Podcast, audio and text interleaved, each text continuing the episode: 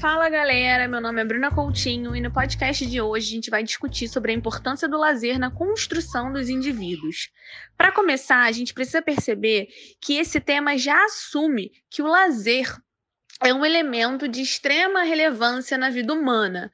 Porém, ao nos depararmos com a realidade brasileira, a gente consegue perceber que para muitas pessoas o lazer não é visto como uma prioridade ou não consegue ser posto como uma prioridade. Isso justamente por conta do modo de vida que é estabelecido na realidade brasileira, que tem como base o um modelo econômico capitalista e que coloca o lucro acima dos outros bens. Diante disso, na verdade, é o trabalho em excesso ou em condições precárias que faz com que o lazer se torne uma realidade ainda muito escassa ou até distante da realidade de diversos brasileiros. Inclusive, existe um pensamento muito comum na sociedade de que o lazer, inclusive, é uma prática, é uma realidade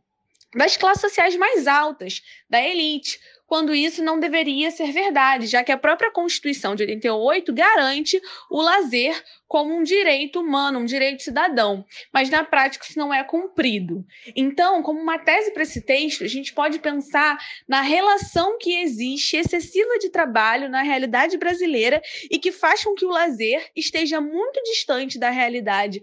da maior parte da população que não consegue atentar para a importância dessa questão em suas vidas. No que diz respeito à formação do indivíduo, o lazer é importante para uma saúde mental de qualidade, para uma saúde física de qualidade, porque essas, esses dois aspectos estão relacionados. É importante também para a socialização. Então, a gente não, a sociedade não poderia ignorar é, esse tema, né? A,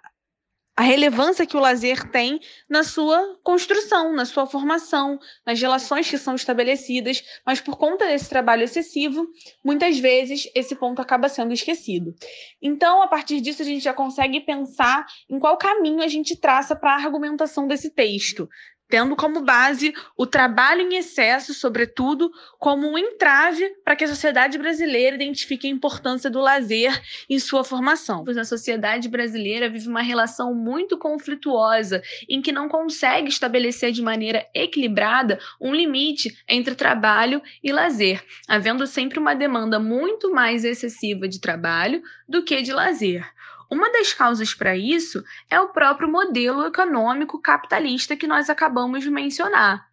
Na verdade,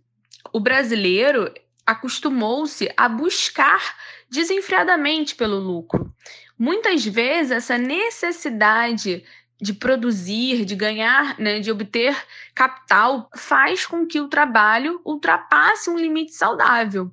Uma frase que comprova essa relação e que pode servir como fundamentação do argumento de vocês é a frase do Karl Marx, sociólogo, que diz: a desvalorização do mundo humano aumenta em proporção direta com o mundo com a valorização do mundo das coisas, ou seja, os bens de consumo, os bens materiais, os objetos são cada vez mais valorizados na sociedade, até mesmo por conta dessa massificação midiática que é muito comum no capitalismo, e também por conta do próprio custo de vida, que a gente já comentou nesse podcast. E dessa forma, elementos que seriam desse mundo humano, como por exemplo o lazer, o descanso, o tempo de qualidade com a família, acabam ficando negligenciados, acabam perdendo espaço. Então, a frase do sociólogo faz muito sentido dentro desse tema e principalmente desse argumento especificamente falando.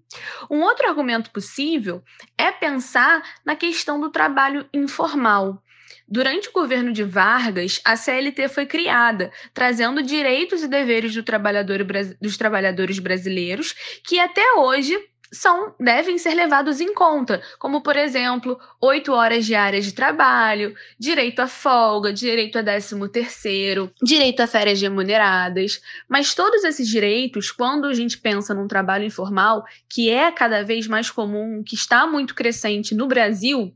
muitas vezes são perdidos, não tendo direito a folgas, não tendo direito a férias remuneradas, tendo de trabalhar mais de oito horas por dia,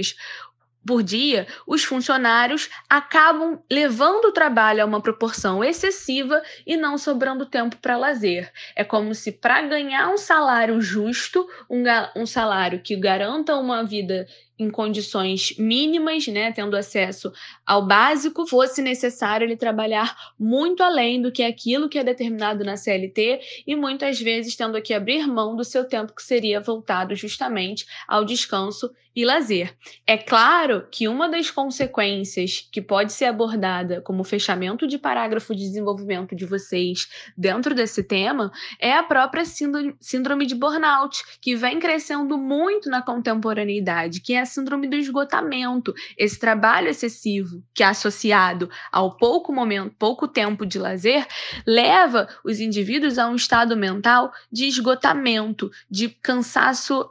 de estafa, né? Que é aquele cansaço além dos limites.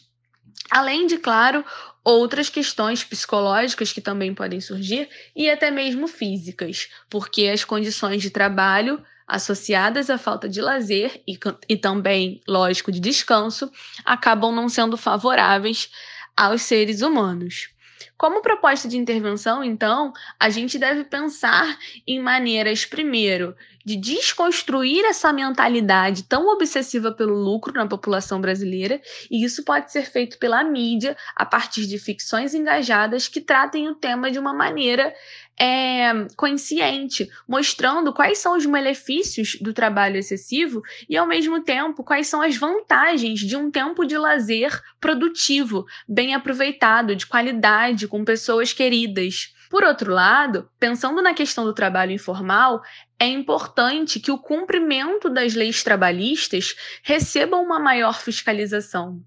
Então, nesse sentido, o governo, mais especificamente o Ministério do Trabalho, deveria é, realizar incentivos aos locais que, que contratam funcionários né, em formato informal para que assinem suas carteiras. O governo poderia oferecer incentivos fiscais, subsídios, de forma que esses funcionários tivessem um apelo maior no mercado para um trabalho formal, um trabalho em CLT. E, ao mesmo tempo, por ser algo que não está dentro daquilo que é determinado em lei, determinado pela Constituição, pelas nossas leis trabalhistas, também, dependendo do caso, pode haver uma fiscalização, até uma atuação, uma, uma necessidade de pagamento de multa para o caso das empresas que estejam ilegalmente tratando, né, contratando os funcionários num sistema informal, quando na realidade eles deveriam ter direito a tudo aquilo que está garantido em CLT. Essas são algumas considerações, alguns comentários para ajudar vocês a escreverem o tema de hoje,